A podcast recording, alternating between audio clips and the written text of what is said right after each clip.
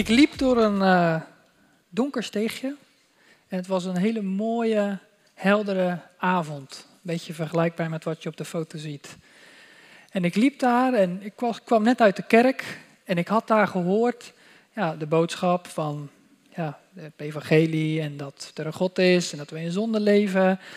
En dat je je moet bekeren en dat ik een nieuw hartje nodig heb. En dat was eigenlijk een boodschap die ik al jaren daarvoor ook gehoord heb. Maar die avond, toen ik twaalf was, was voor het eerst dat het echt een besef was in mijn hart. Er is een God, ik ben mens en er zit iets niet goed tussen ons. Voor het eerst. Maar wat moest ik daar nou aan doen? Er was mij verteld al jaren dat ik een nieuw hart nodig had. En dan moest ik maar daarom vragen. En eigenlijk zenuwachtig en toch ook een beetje bang voor, uh, ja, voor het hiernamaals, ging ik naar huis. Daar pakte ik mijn Bijbel op mijn kamer. Ik ging lezen. Ik kan me herinneren iets uit Lucas. Tien versen. En ik had dat gelezen. En toen dacht ik, oh ja, ik moet ook nog bidden. Dus toen ging ik bidden. Heer, geef mij een nieuw hart, want er klopt iets niet. Amen. En toen keek ik naar de muur. Toen keek naar de andere muur. En toen dacht ik, ja, is eigenlijk niks veranderd. En dat frustreerde mij een beetje. Nou, datzelfde is daarna nog vier keer gebeurd, tussen mijn twaalfde en mijn achttiende. En het is uiteindelijk het begin geweest van hoe ik Jezus heb leren kennen. En dat zal ik later vanochtend uh, aan jullie afmaken. Maar het probleem wat ik had, nu achteraf terugkijkend, is het thema voor vandaag. En dan mag de volgende slide op. En dat was dat ik het woord niet begreep. Ergens snapte ik niet wat het evangelie nou inhield. Ik snapte niet wat, ja, hoe dan moet ik mij bekeren? Een, nieuw, een termen als een, een, nieuw hartje en zo. Ja, oké, ik snapte het niet. En dat is ook precies wat we gaan lezen in Matthäus 13, vers 1 tot 11, vers 18 tot 23. En ik hoop dat u een fysieke Bijbel bij u heeft. Zijn er mensen die dat hebben? Mag je mee zwaaien? Ik hou altijd van een fysieke Bijbel. Kijk, heel goed. Een fysieke Bijbel ten opzichte van een digitale. Want de reden daarvoor is, vaak heeft u internet nodig om die Bijbel dan ook te kunnen lezen. En dat betekent ook dat u open staat voor alle berichtjes en alles afleiding die die telefoon of tablet of wat dan ook maar kan geven. En die fysieke Bijbel heeft dat niet. Daar hoef ik geen wifi of zo uit te zetten. Dus dan kan ik gewoon lekker lezen. Dus daarom ben ik een groot voorstander van een fysiek boek. In mijn eigen stille tijd gebruik ik ook vaak mijn fysieke boek. Omdat dat zo min mogelijk afleiding heeft. Als ik studie doe, dan vaak mijn laptop. En dan kun je ook heel veel uitzetten. Dus dat vind ik fijn. Maar goed, ik ga met jullie lezen. Matthäus 13. En dat is de gelijkenis van de zaaier. Ik heb er thuis op geoefend. Want lezen is niet mijn sterkste kant. Maar lees met mij mee. Matthäus 13 vanaf vers 1. En op die dag verliet Jezus het huis en ging bij de zee zitten. En vele, en, en vele menigte verzamelden zich om hem heen, opdat hij in het schip ging zitten en de hele menigte stond op de oever. En hij sprak tot hen vele dingen door gelijkenissen. Hij zei, zie, een zaaier ging erop uit om te zaaien. En toen hij zaaide, viel een deel van het zaad langs de weg en de vogels kwamen en aten het op. Dat is één. Een ander deel viel op steenachtige plaats waar het niet veel aarde had. En het kwam meteen op, doordat het geen diepte van aarde had. Dat is twee. En toen de zon opgegaan, opgegaan was, verschroeide het en, doordat het en doordat het geen wortels had, verdorde het. En een ander deel viel tussen de doornen en de distels en kwamen op, op en verstikte het. Weer een ander deel, weer een deel viel in goede aarde en gaf vrucht, de een honderd, de ander zestig de dertigvoudig. Wie oren heeft om te horen, laat hij horen. Dan nog een klein stukje verder. En de discipelen kwamen naar hem toe en zeiden tegen hem, waarom spreekt u, waarom spreekt u tot hen door gelijkenissen? En hij antwoordde en zei tegen hen, omdat het u gegeven is de geheimenissen van het koninkrijk der hemelen te kennen, maar aan hen is het niet gegeven. En dan van naar vers 18, slaan we een stukje over. Vers 18. Luister dan naar de uitleg van de zaaier. Als iemand het woord van het koninkrijk hoort en niet begrijpt, dan komt de boze en rukt het weg wat in zijn hart gezaaid is. Dat is bij wie langs de weg gezaaid is. Dat was weer één. Maar bij wie op steenachtige grond gezaaid is, dat is, het, dat is hij die het woord hoort, hoort en meteen met vreugde ontvangt. Maar hij, hij heeft echter geen wortel in zichzelf, maar hij is iemand van het ogenblik. En als de verdrukking of de vervolging komt omwille van het woord, struikelt hij meteen. En bij wie in de doorn en, en bij wie in de doornen gezaaid is, dat is hij die het woord hoort. Maar de zorgen van deze wereld en de verleidingen van rijkdom verstrikken het woord en het wordt onvruchtbaar. En dan vers 23, het laatste vers. Bij wie het in goede aarde gezaaid is, dat is hij die het woord hoort en begrijpt. Die ook vrucht draagt en voortbrengt honderdvoudig, zestigvoudig en dertigvoudig. De kerntekst voor vandaag is dus vers 19. Als iemand het woord van het koninkrijk hoort en niet begrijpt. Ik had dus een probleem toen ik, uh, nou, inmiddels bijna 20 jaar geleden, voor het eerst zelf de Bijbel dan ging lezen, naar aanleiding van, ja, is toch een stukje schuld en, en, en afstand. Ik begreep het woord niet. En dat is het eerste wat deze gelijkenis laat zien, wat ervoor kan zorgen dat het woord uiteindelijk geen vrucht draagt in uw leven. Deze gelijkenis laat een aantal mooie dingen zien. Uh, het laat dus vier, vier kenmerken zien die vrucht van het woord tegen kunnen gaan. En tegelijkertijd vijf kenmerken van een volwassen christen. Ik zeg niet dat een volwassen christen alleen die vijf kenmerken heeft, er zijn er meer. Maar wel vijf kenmerken van een volwassen christen. Daarnaast laat deze gelijkenis zien het principe van zaaien en oogsten. Daar ga ik het vandaag niet met u over hebben, want daar hebben we helemaal geen tijd voor. en het laat nog iets anders moois zien, en dat is namelijk het principe van het woord, wat het woord uitlegt. En daar wil ik het eerst even met jullie over hebben. In mijn Bijbel is het zo dat hier op mijn linkerpagina staat de gelijkenis, zoals Jezus hem zegt. En dan op de rechter staat de uitleg. dat is makkelijk. Het woord legt zelf uit wat het bedoelt. Dat is toch fijn, hè? Dat is toch fijn. Uh, volgende slide. Is goed, de Bijbeltekst. Juist hem. De Bijbel zegt in 2 Petrus 1, eh, vers 20. Dit moet u allereerst weten dat geen enkele profetie van de schrift een eigenmachtige uitleg toelaat. Ik ben zelf een voorstander ervan dat de Bijbel zelf de Bijbel uitlegt. Het grote voordeel is dan ook dat als ik u vertel wat in de Bijbel staat, dat heb ik niet verzonnen. Dus ja, als u het dan niet mee eens met mij bent, dan bent u het eigenlijk niet eens met de Bijbel. Nou, ga ik al lang genoeg mee in de christelijke wereld om ook wel te weten dat uh, sommige onderwerpen wel lastig zijn om zo uit te leggen. Niet alles is zo simpel als deze gelijkenis met de, uh, met de uitleg letterlijk op de pagina ernaast. Maar het is wel een principe wat ik graag nastreef. En ik ga straks uh, verderop, heb ik er nog een aantal voorbeelden daarvan, waarbij ik jullie wil laten zien een tekst of een Bijbelgedeelte, wat ik in ieder geval in de afgelopen jaren echt nog wel eens verkeerd heb horen uitleggen. En dan gewoon gaan we gewoon simpelweg kijken, wat zegt het woord nou? En ja, welke conclusie kun je dan dus daaruit trekken? Hoe legt het woord het woord uit? Ja, tegelijkertijd is dit ook uh, ja, een risico. Want als je naar de volgende slide gaat. Kijk, ik sta hier dan nu vandaag voor het eerst op zondag. En uh, ik ben mij hier wel heel bewust van. Broeders en zusters, u moet niet allemaal leraren willen zijn. U weet dat ons leraren een streng oordeel te wachten staat. Kijk, Gods woord is echt heel krachtig. Het heeft mijn leven veranderd. Het houdt het evangelie. Het is in het Engels zo leuk vertaald: the best information before leaving earth. Ja, dat is echt zo. De duivel weet dat ook. En die is er toch best goed in geworden om een woord te verdraaien of een leugen. Wist u dat als u een leugen gelooft, ook al is dat een Bijbeltekst, die maar misschien uit zijn context getrokken is of wat dan ook, dat dat best wel behoorlijk negatieve gevolgen kan hebben voor uw leven. Een leugen kan u bang maken, kan u angsten geven, kan u een verkeerde richting op laten gaan in uw leven van alles. Dus ik geloof dat God dit niet voor niks zegt. Het kost wat moeite om wel zulke dingen goed uit te pluizen in de Bijbel.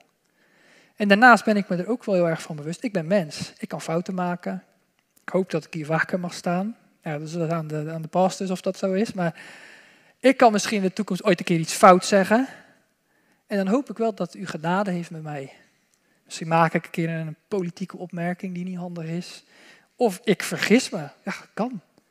Want, maar deze tekst zegt niet dat als ik een fout maak, dat God minder van mij houdt. Of dat ik dan gelijk niet meer in de hemel mag komen. Nee. Maar ik weet wel, God is ook kritisch op mij. Maar ik leef in genade, God is genadig met mij, dus ik ben ook genadig met mezelf. Maar nu jullie nog. Want oh, wat kan er veel kritiek komen op mensen die spreken. Dat is zo makkelijk. Heb ik mezelf ook schuldig aan gemaakt, zeker. Maar ja, heb een beetje genade. En de ene spreker zal je waarderen, en de andere spreker zal je minder waarderen. En misschien wel eentje die je helemaal niet fijn vindt. Nou, oké, prima. Goed, dan nu terug. Terug naar de gelijkenis. En dan gaan we beginnen bij vers 19. U moet het woord begrijpen. Ik geloof dat God wil dat u het woord begrijpt. De Bijbel zegt in 2 eh, Petrus 3, vers 9, heb ik geen slide van, dat God wil dat alle mensen tot inkeer komen. Oké. Maar de Bijbel zegt ook, en dat hebben we net gelezen, dat alleen al de gelijkenissen zijn een geheimenis. Ja, dat is lekker. De Bijbel is dus ook een geheimenis, staat ook op meerdere plekken in, in, in het woord. En toch wil God dat we tot één keer komen. Ja, hoe gaat dat samen dan? Nou, ik geloof, God geeft ons de Heilige Geest als je tot geloof komt. Daar zijn we het mee eens. Hè? Hij leeft in ons, we zijn een tempel van de Heilige Geest, ons lichaam. Dus God wil jou het woord uitleggen. Ik geloof niet dat God en de geheimenissen van het woord voor ons achterhoudt. Maar er is ook nog een stukje eigen verantwoordelijkheid voor ons. Dat we ons best moeten doen om het te begrijpen.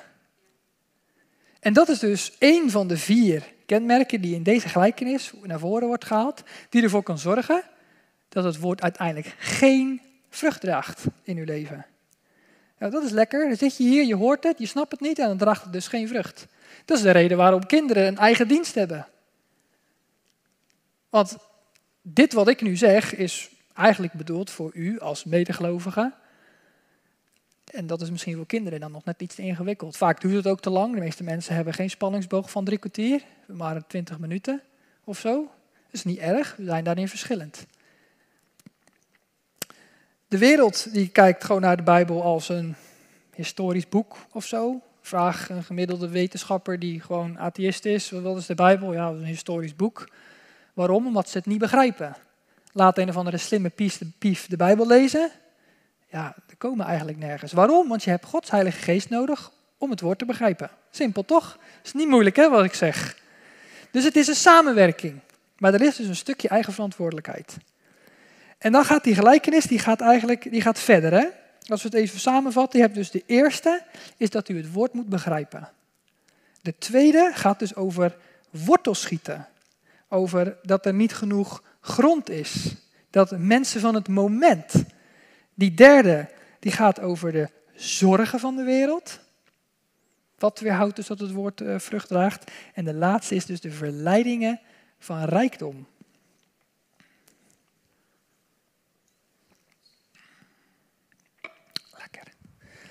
Maar wat is dat nou? Wat is nou die tweede? Die eerste is denk ik wel duidelijk. Hè? Je moet het woord begrijpen. En daarom hebben kinderen hun eigen dienst. Daarom zitten wij hier. Daarom kunt u aantekeningen maken. U kunt meelezen. U kunt worden opgenomen. U kunt het terugluisteren.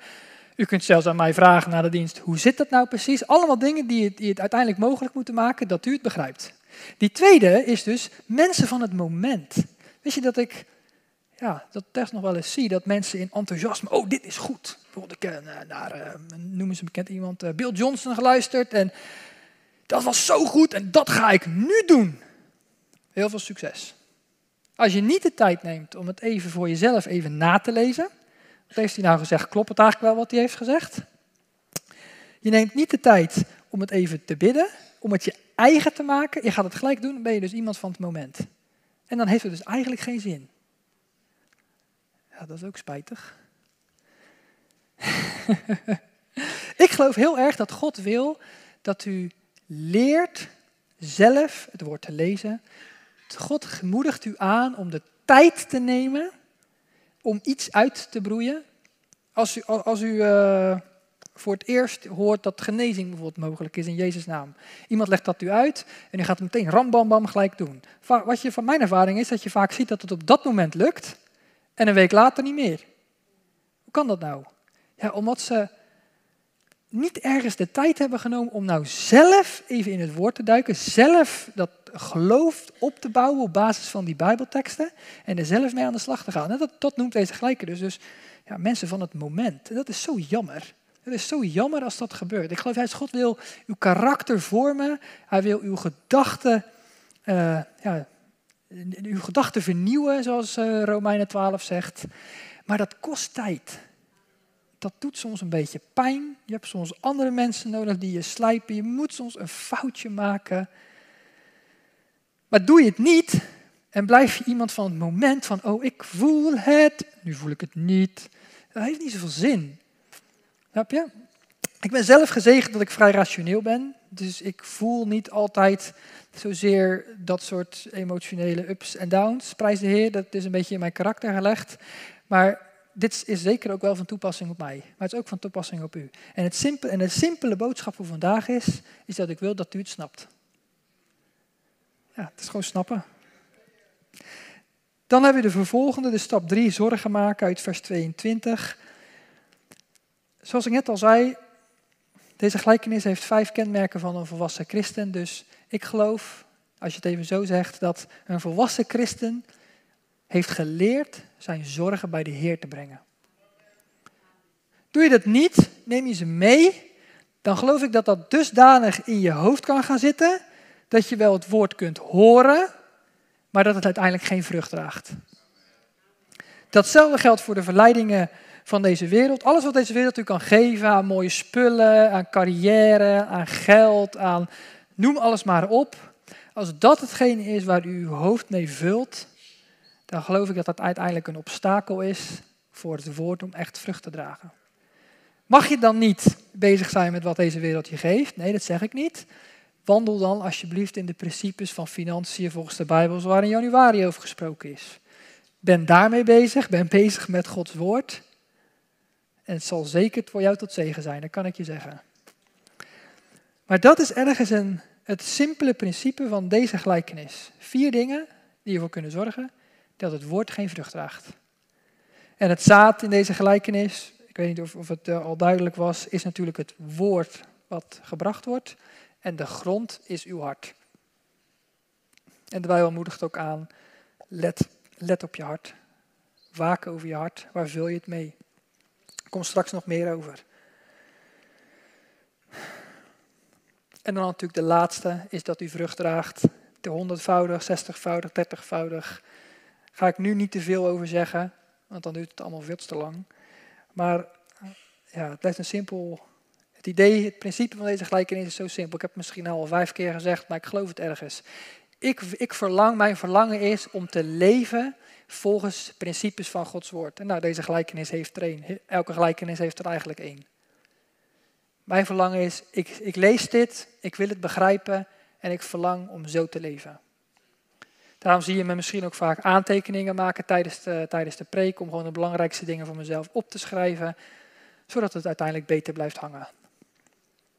Al heel wat jaren geleden sprak ik een, uh, een broeder, die uh, zelf ook de Heer kende, en die was uh, verkoper in de telecommunicatie.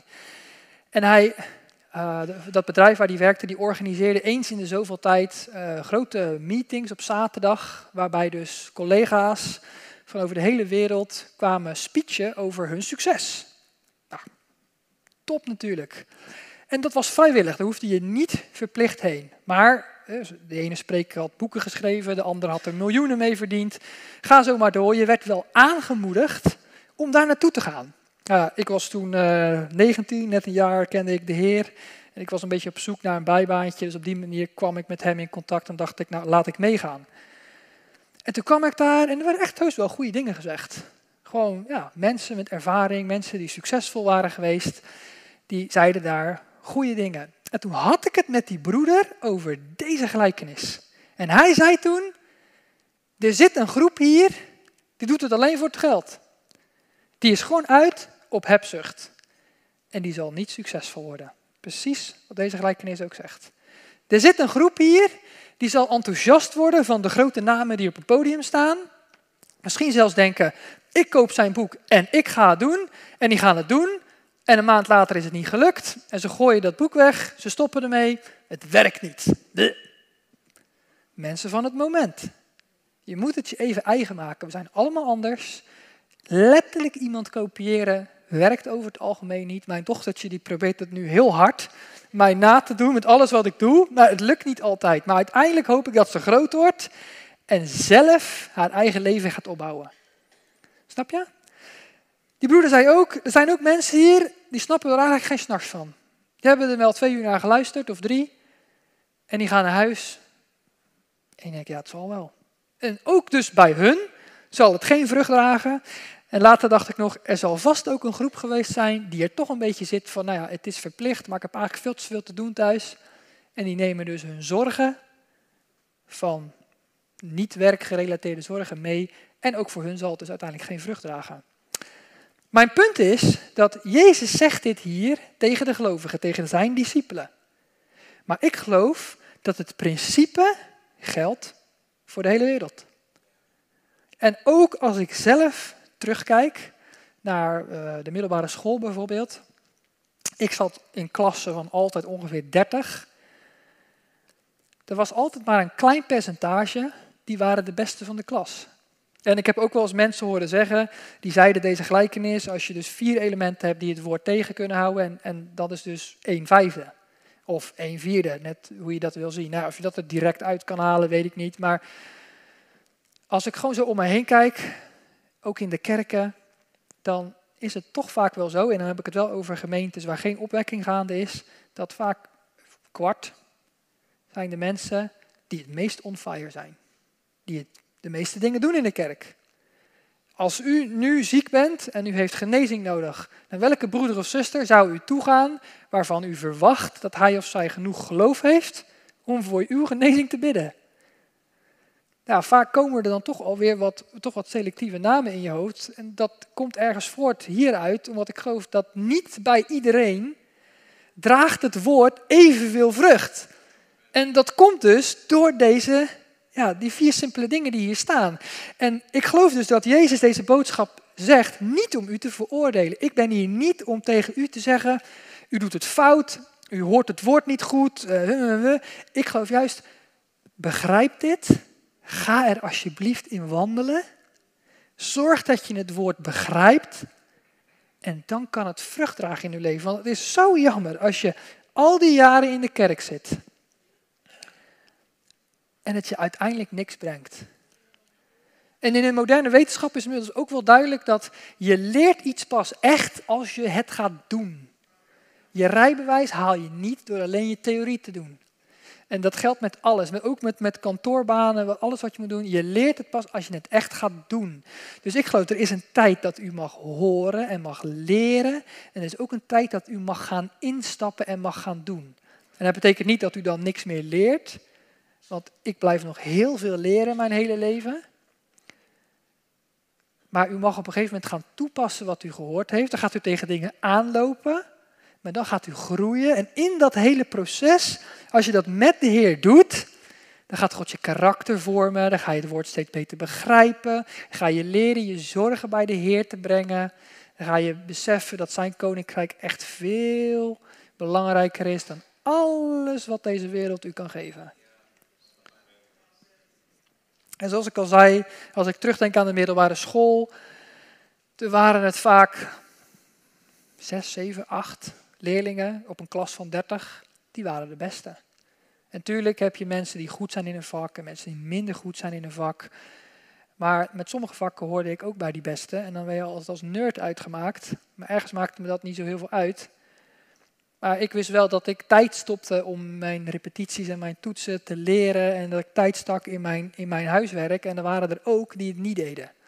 Er waren er ook die zich alleen maar bezig hielden met: zie ik er wel mooi uit? Word ik wel genoeg gewaardeerd door de coole jongens en meisjes? Heb ik wel de nieuwste gadgets? Uh, en al dat soort dingen. Oftewel bezig met hebzucht, wat de Bijbel zegt. En dat waren meestal niet de beste van de klas. Kunt u zich daar een beetje in inleven van vroeger? maar het komt dus ergens voort uit een, een, een simpel principe. Ik ben zelf altijd iemand, ik hou van, van iets in een, in een spectrum plaatsen als zijnde van je hebt altijd twee uitersten. En ik geloof dat hier ook. Kijk, als je dit in, in, een, in een spectrum plaatst, dan kun je zeggen, uh, aan het ene uiterste zijn de positieve dingen van kom met verwachting en je zal veel van God verkrijgen. Uh, zorg dat je thuis alvast lekker een beetje in de flow van aanbidding zit. Zorg dat je thuis zelf Gods woord leest. Dat zijn positieve dingen om van God iets te krijgen. De negatieve dingen staan hier. Er zijn dus ook vier dingen die je kunt doen en die kunnen er gewoon voor zorgen dat het woord geen vrucht draagt in je leven. Ja, dat is toch spijtig. Ja, zo spijtig vind ik dat altijd. God heeft zo'n goed woord geschreven en dan omdat je het niet begrijpt, draagt het geen vrucht. Zo jammer vind ik dat altijd. Ah. En ik geloof ook dat de duivel vindt het prima als u het niet begrijpt. De duivel snapt deze gelijkenis ergens ook wel, geloof ik.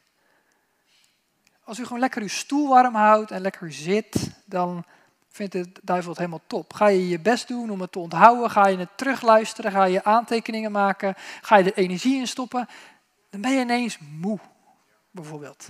Of ineens heb je geen tijd. Kijk, dan pas zul je een beetje weerstand ervaren met dat soort dingen. Maar ik wil u juist aanmoedigen, dat is goed. En ik zeg niet dat u uren moet bijbelstudie moet doen of dat soort dingen ook. Het doel van vandaag is gewoon dat u snapt het principe van deze gelijkenis.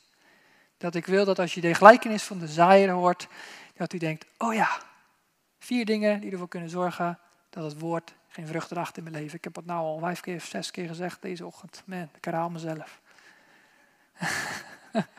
Als uw buurman vanavond vraagt waar ging het over, kunt u zeggen, ja, het is belangrijk dat ik het snap. Simpel hè, simpele boodschap vandaag hè. Ja, oh zo belangrijk. Als u dingen niet begrijpt, heb ik nog een paar van die, eh, van die leuke tips opgeschreven. Soms kan het goed zijn om te accepteren dat je iets niet snapt. Is niet erg als je iets niet snapt. Sommige dingen zijn dan misschien op dat moment gewoon nog niet voor u. Wat u wel kunt doen is navraag doen bij de spreker, aantekeningen maken, het preek terugluisteren. U focus leggen op dat wat u wel begrijpt. Wat u vooral niet moet doen, geloof ik, is lekker kritisch zijn op de spreker, kritisch op de kerk, kritisch op, op wat dan ook. Of heel selectief luisteren. Sommige broeders en zusters die luisteren bijvoorbeeld naar één spreker. Ik heb vroeger zat ik in de meer traditionele kerk en daar kwam het wel eens voor dat een dominee dan naar een andere gemeente ging en dan gingen de mensen erachteraan. Ja, waarom? Ik wil, en dat is ook mijn persoonlijk verlangen, mijn geloof is niet afhankelijk van een spreker. Hoe goed iemand ook kan zijn, hè? daar niet van. Mensen kunnen echt een fantastische bediening hebben. Maar mijn geloof is afhankelijk en gebaseerd op zijn woord. En dan maakt het eigenlijk niet uit wie dat brengt. Ook ik heb mijn voorkeur naar wie ik graag luister en naar wie ik minder graag luister. Maar als een dominee of een voorganger zou stoppen of zou wegvallen, dan moet niet een deel van mijn geloof als een kaarthuis instorten. En dan heb je gelijk een bruggetje naar de gelijkenis van de, van de wijze en de dwaze bouwer. Daar gaan we het niet hebben over hebben vandaag. Maar dat is ook zo'n zo'n uh, ja, simpel principe in een gelijkenis. Bouw je op de rots Jezus of bouw je op het zand wat staat voor eigen inzichten en dat soort dingen. Nou, misschien dat we het nog een keertje over gaan hebben. Ja, heel eenvoudig, toch? nou heb ik nog een aantal mooie voorbeelden uit de Bijbel. En dan mag het eerste plaatje op. U heeft vast allemaal wel eens gehoord van de term uw eerste liefde. Hè? Mag je door, even door naar de volgende dia? En dat is uh, deze Bijbeltekst, Deuteronomium 2. En ik ga hem even zelf opzoeken. Het is goed om te leren en bladeren in je eigen Bijbel. Vind ik altijd. Dat je gewoon zegt, oh ja, openbaringen, laatste boek en zo. Dat je een beetje handig wordt daarin. Daarom moedig ik u aan om een fysieke Bijbel mee te nemen. Een grote pen, lekker in strepen. Heerlijk. Daar kom je allemaal leuke dingen tegen. Maar goed, openbaringen 2, vers 4 en vers 5. Ik zal het even lezen. Daarna zal ik u vertellen hoe ik dit vaak heb horen uitleggen. En daarna ga ik met u kijken wat het woord zegt. En dan gaan we daar een conclusie uittrekken. Dus ik ga u niet vertellen wat ik denk dat het betekent, maar we gaan gewoon kijken wat het woord zegt wat het betekent. Goed, vers 4 en 3. Maar ik heb tegen u dat u uw eerste liefde verlaten hebt. Bedenk dan van welke hoogte u bent gevallen en bekeer u en doe de eerste werken. Zo niet, dan kom ik spoedig bij u en zal ik uw kandelaar van zijn plaats wegnemen als u zich niet bekeert. Heel vaak heb ik horen zeggen, we moeten weer terug naar onze eerste liefde, we moeten weer verliefd worden op God zoals vroeger. En oh, dat moeten we nastreven en dit en dat. En ik zelf ben vrij plotseling en radicaal tot geloof gekomen. Zal ik straks vertellen als ik deze boodschap klaar heb. Ik ben letterlijk twee tot drie maanden verliefd geweest op Jezus, zoals ik verliefd ben geweest op mijn vrouw. Prachtig. Maar dat was tijdelijk. En ik heb dus echt mensen horen zeggen, die zeiden, je moet terug naar die verliefdheid. En ik probeerde, joh. Ik denk, oh Heer, geef me verliefdheid. Help me mijn, mijn denken te vullen over u. Ik, ik, ik in eigen kracht dat maar proberen. Maar het is me nooit gelukt. Nooit. Nou is de vraag, wordt dat hier ook echt bedoeld? Nou, het antwoord op die vraag gaan we lezen in Deuteronomium. We staan allebei op de beamer. Heb ik geen slide van, u mag lekker bladeren. Mhm. Leuk hè, oh zo flauw. Deuteronomium 6, vers 12. Bent u er? Bent u er? Ja, ja, ja. Oké, top. Deuteronomium 6, vers 12. Wees dan, wees dan op uw hoede dat u de Heere die u uit Egypteland, uit de slavenhuis geleid heeft, niet vergeet. Dat zegt God tegen het volk Israël die op weg zijn van Egypte naar het beloofde land. Wees dan op uw hoede dat u de Heer uw God, die u uit Egypteland heeft geleid, niet vergeet. Dan lezen we ook nog eventjes Deuteronomium 32.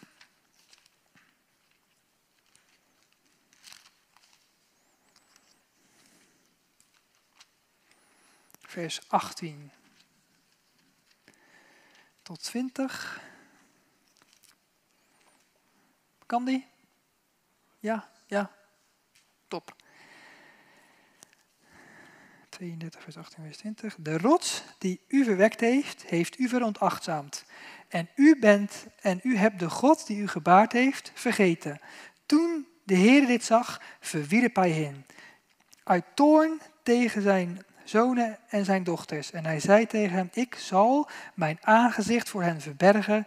Ik zal zien wat hun einde is. Wat gebeurt hier nou? Het volk Israël maakt een aantal keer de fout om God te vergeten. De God die hun met kracht, met wonderen, met tekenen uit, uit Egypte heeft gered, die vergeten ze. Nou, daar kunnen ze allerlei redenen voor hebben, maar God is daar niet blij mee. God wordt boos. God zegt zelfs, ik zal mijn aangezicht voor hun verbergen. En dat is ook wat er is met die eerste liefde. Want de vergelijking met het volk Israël die uit Egypte gehaald wordt, is te vergelijken met de manier waarop wij tot geloof gekomen zijn en uit de wereld zijn gehaald en in zijn koninkrijk zijn geplaatst. Dat is een vergelijking die de Bijbel maakt. Dus wat bedoelt God nou als hij zegt dat u uw eerste liefde vergeten bent? Dat je hem vergeten bent. Dit was een openbaring voor mij. Want dat betekent dus dat ik niet meer zelf op zoek moet gaan naar wat ik God kan geven, mijn verliefdheid, mijn eerste liefde. Nee, ik zeg, Heer, uw liefde voor mij. Sorry als ik soms even vergeet met de liefde en de wonderen waarmee u mij gered heeft.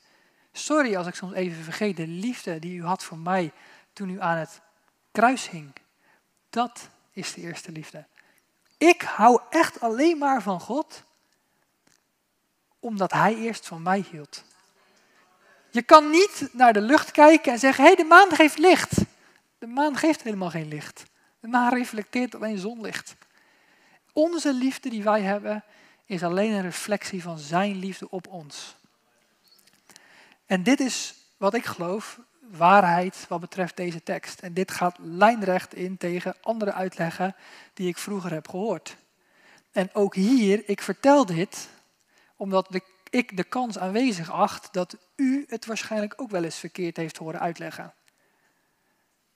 En ik wil dat u het snapt. Ik wil dat u het, de waarheid begrijpt. Daarom vertel ik u dit. Simpel hè? Ik hou van simpel. Amen. Amen. Als je het dus verkeerd begrijpt, kan het echt te schadelijk zijn voor je. Het was echt heerlijk ontspannen. En dat is ook tot de dag van vandaag. Ik ontspan mij in zijn eerste liefde voor mij. En prijs de Heer, ik hou ook van Jezus. Het is echt een, wereld van, uh, ja, van verschil. Maar het moet je wel goed uitgelegd worden. En een klein beetje de vergelijking die ook nog wel uh, misschien duidelijker maakt. Kijk, ik ben natuurlijk getrouwd. Dat is wel duidelijk. En uh, er gebeurt wel eens in ons huwelijk dat ik ja, veel bezig ben met uh, mijn werk, met de, druk ben met dingen. En dan zegt mijn vrouw, hallo, ben ik er ook nog? Hallo, heb je ook nog aandacht voor mij? En denk ik, oh ja, inderdaad. Ik moet niet vergeten dat zij van mij hield en dat ik van haar hou. Even teruggaan naar dat simpele basisprincipe dat we van elkaar houden. En drukte kan dus maken dat je dat een beetje vergeet. En dat is niet erg, maar precies dat, precies dat is wat God hier in openbaringen bedoelt. Hallo, vergeet je eerste liefde niet. Vergeet mij niet. Heel eenvoudig. Ook nog even grappig om, uh, om te zien. Mag je even naar de volgende slide weer? Uh, nee, die slide van Openbaringen 2. Die, die, die, Bijbeltekst van Openbaringen 2. Ja, die, dank je.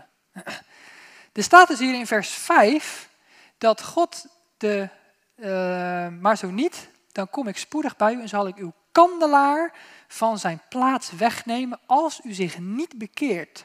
Wat betekent dat nou? Hier in Deuteronomium 32 lees je dus dat God zijn aangezicht zal verbergen en dat hij dan zegt, ik zal zien wat hun einde is. Dat is het Oud Testament. En in het Nieuwe Testament staat dus, ik zal uw kandelaar van zijn plaats wegnemen. Nou, wat is nou die kandelaar? Oké, simpel. We hebben er daarin staan. Wat doet een kandelaar? Die geeft licht. Hoe geeft die licht? Met vuur. Dus als je hem weghaalt, wat ontbreekt er dan? Licht en vuur. Wat is vuur in de, in de Bijbel? Dat is het vuur van de Heilige Geest. Wat is licht? Psalm 119. Uw woord is een licht op mijn pad.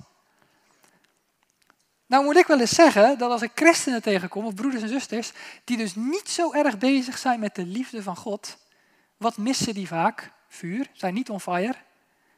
En vaak weten ze ook niet welke richting ze nou op moeten. Dan raken ze hun baan kwijt en dan zijn ze helemaal van de leg.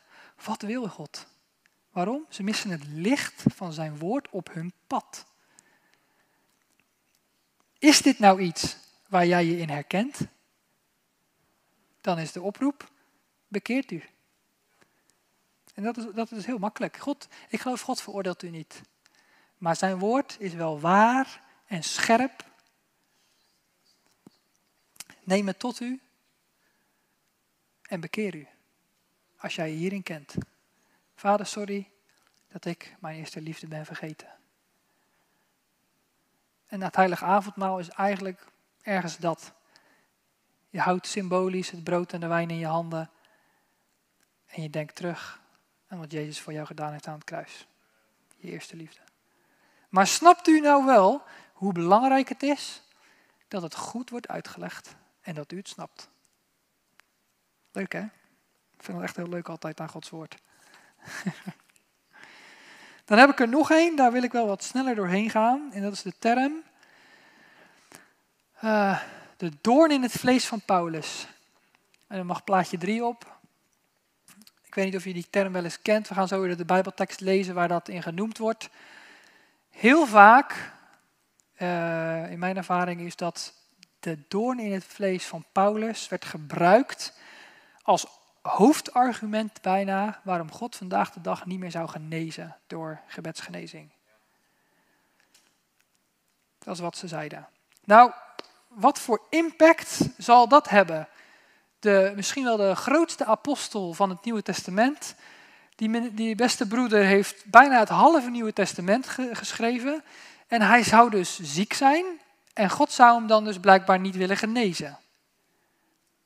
Ja, als dat waar is, dan zou ik ook best wel moeite hebben met de vraag, wil God mij genezen? De uitleg hiervan is ook weer niet zo ingewikkeld. We gaan gewoon even kijken wat de Bijbel zegt.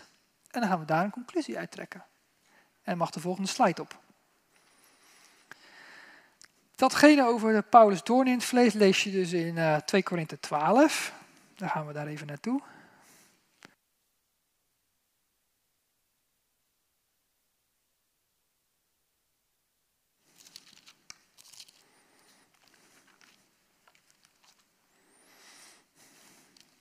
Oeps, iets te ver.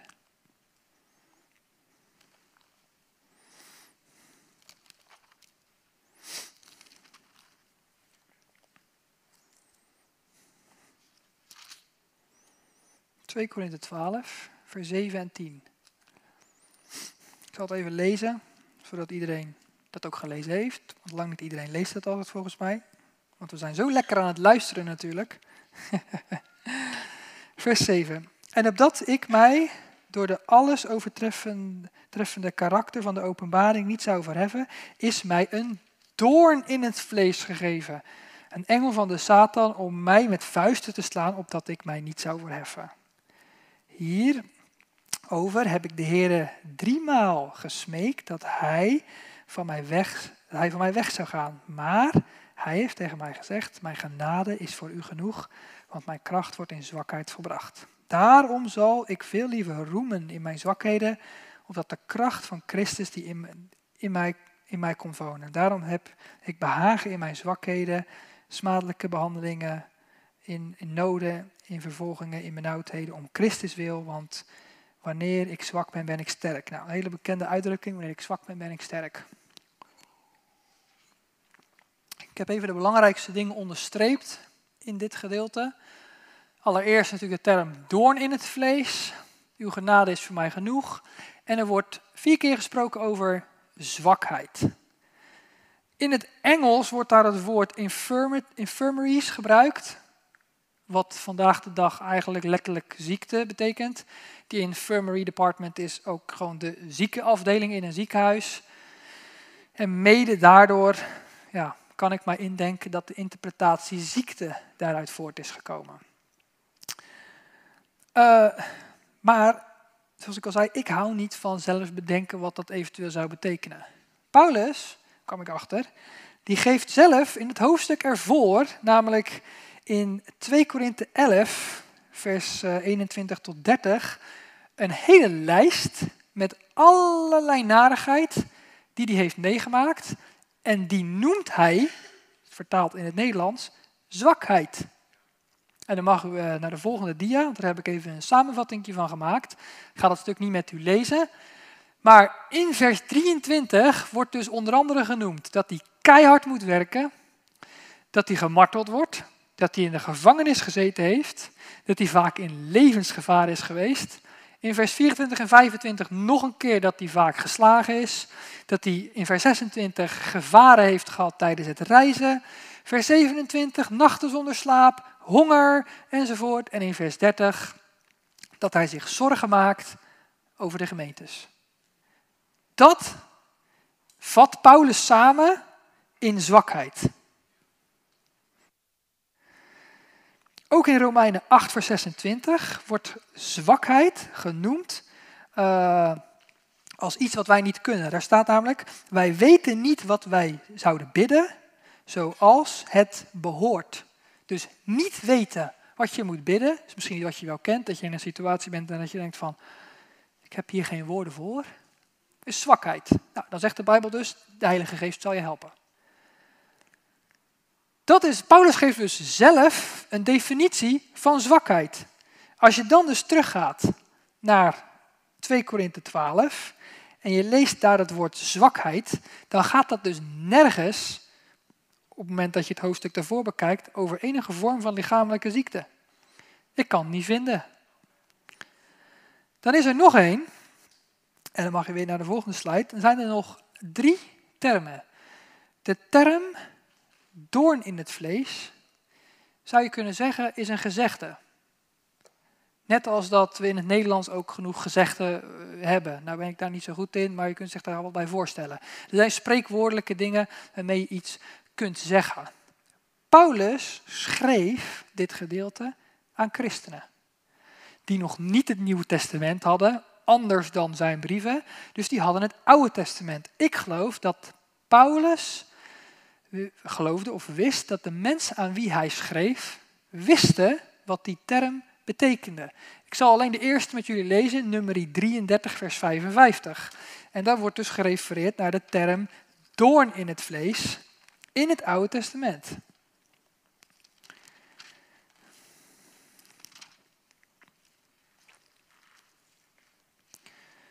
Zijn we er? Oh, gaat snel, goed zo. Goed zo.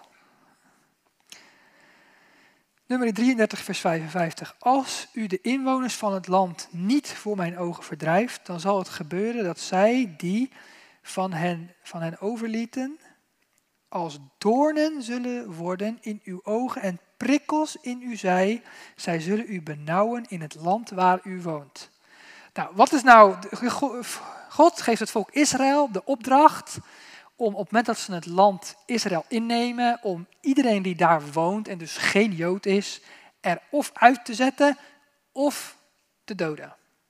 Dat is een opdracht van God. Doen ze dat niet, dan worden dat dus prikkels, doornen. En dat zie je dus nog twee keer in Jozua en in komt dat ook nog een keer voor.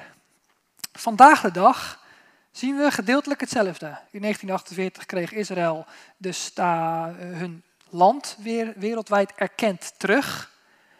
En ook toen geloof ik dat ze iedereen ja, eruit hadden moeten zetten. Of misschien niet aardig, maar het is nog steeds een principe wat God al in het Oude Testament heeft neergelegd.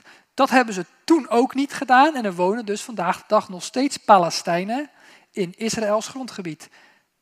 Nou ja, we hoeven maar op het nieuws te kijken en we zien wel wat een bak ellende dat geeft. Hoe noemt de Bijbel dat dus? Een doorn in het vlees. Een doorn in het vlees is dus altijd mensen en geen ziekte. Nou, als u deze twee dingen weet, u weet deze twee dingen en u gaat terug naar dat gedeelte van 2 Korinthe 12. Daarin spreekt Paulus over een doorn in het vlees, een engel van de Satan om mij met vuisten te slaan, opdat ik mij niet zou verheffen. Als ik deze Bijbelgedeeltes lees, dan kan ik daar een conclusie uittrekken dat er niet over ziekte wordt gesproken. Over een heleboel andere nare dingen en niet over ziekte. En nou heb ik zelfs een keer uh, mensen gehoord die hier uh, verder onderzoek naar gedaan hadden. En die zeiden zelfs, het was heel goed mogelijk dat Paulus uh, vervolgd werd door een specifieke groep mensen die overal waar hij ging hem letterlijk op de heupen zaten en erop uit waren om hem te doden. Net als bij Jezus. Hoe vaak hebben de fariseeën geprobeerd Jezus te doden?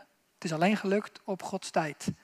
Ergens geloof ik dat de fariseeën en de sadduceeën bij Jezus de doorn in het vlees van Jezus waren. Maar Jezus was Jezus en die hoorde je daar niet over klagen. Paulus was mens. Hij had wel een waanzinnige openbaring, maar hij was nog steeds mens. En Paulus horen we dan dus wel praten over die doorn in het vlees. Ja, in, in mijn optiek is dit echt heel simpel en heel ja, duidelijk. Niemand gaat mij ooit meer vertellen dat God Paulus niet genezen wilde. En ik geloof ergens dat de duivel ook wel doorhad dat Paulus gevaarlijk was voor zijn uh, duistere koninkrijk.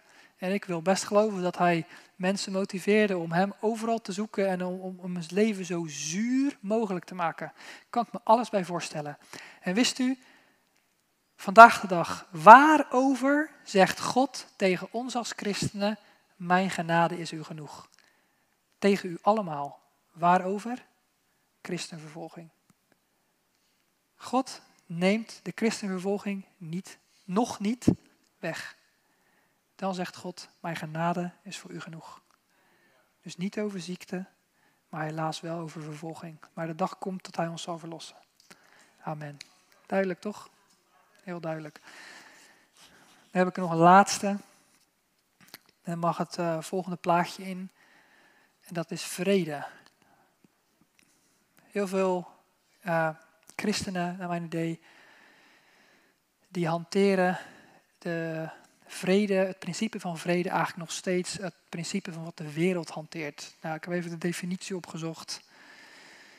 Even kijken, vrede is. Uh, even zoeken, waar staat het?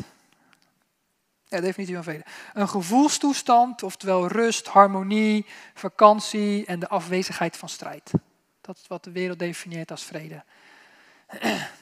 En heel veel christenen die, die leven daar ook bij. Hè? Dat, dat, dat, uh, ja, voor christenen is misschien niet helemaal eerlijk als ik dat zo zeg, maar die gaan toch uit van het wereldse principe van vrede. Een gevoel, soms een plek, vakantie, uh, lekker in je vel zitten.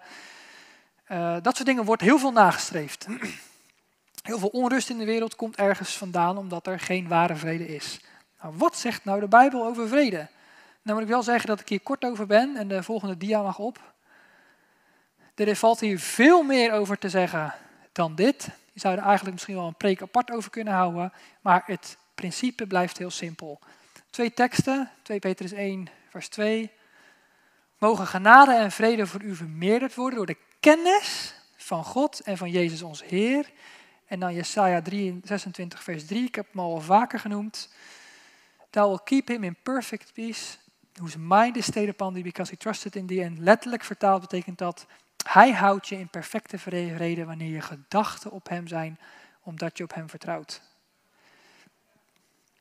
Ware vrede komt alleen bij God vandaan. Dat geloof ik. Hoe krijg jij dat? Niet door op vakantie te gaan.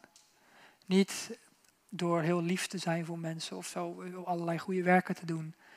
Vrede krijg je enerzijds door de kennis van God, jouw Vader, en van Jezus te vergroten. Hem leren kennen door zijn woord. En ten tweede, de, vrede krijg je door je gedachten op hem te houden. Ik ben iemand, ik lees redelijk veel nieuws. Ik vind dat interessant om te volgen. Uh, zie daar ook veel uh, profetieën van de eindtijd in. Ik vind dat altijd interessant. Maar ik kies er heel bewust voor dat ik me er niet door laat leiden. Ik kies er heel bewust voor om mijn gedachten te vullen met Gods woord en niet met de ellende daarbuiten. Maar dat is een keus. Want man oh man, wat lees je soms verschrikkelijke dingen. Ik ben ook iemand, ik kijk films en series, vind ik hartstikke leuk. Maar ik kies ervoor om het woord van God de boventoon in mijn gedachten te laten voeren. En dat geeft ware vrede, geloof ik. Dus de vraag is, waar vul je je mee? Als je je hele dag vult met social media of weet ik het wat allemaal, dan zal dat je gedachten beïnvloeden. En als je gedachten niet op hem zijn, dan zul je daar minder vrede ervaren. Uh, de wereld heeft in principe dit principe ergens ook wel ontdekt. Dat als jij iets in een vervelende situatie geeft die jou onrust geeft, want dat kan natuurlijk. En je gaat dan op vakantie en je onttrekt je volledig even uit die situatie, dan kan dat wel degelijk even een vorm van rust geven. Hoe komt dat? Omdat je dan even in je hoofd bezig bent met iets anders. En dat is precies wat de Bijbel al lang zei. Maar wij christenen hebben het woord van God en ja, doe gewoon wat er staat. Vul je gedachten met Hem, vul je gedachten met kennis over God, bouw relatie met Hem en dat geeft ware vrede. Want hoeveel mensen komen er zonder vrede terug van vakantie? Zo vervelend. Heb je het nog niet? Hetzelfde geldt met sport natuurlijk. Je sport kan een geweldige afleiding zijn, maar ik geloof ergens dat je je, omdat je je dan een, aantal uur bezighoudt met fysiek iets anders, en dus fysiek je gedachten even niet meer bezig zijn met de narigheid van deze wereld, dat dat een vorm van vrede geeft. Nogmaals, precies zoals de Bijbel al zei. Dus bouw lekker die relatie met God. Zoek kennis van God en van Jezus. Richt je gedachten op Hem en je zult ware vrede hebben.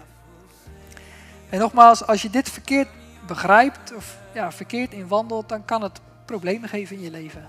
En daarom dus het belang van begrijpen.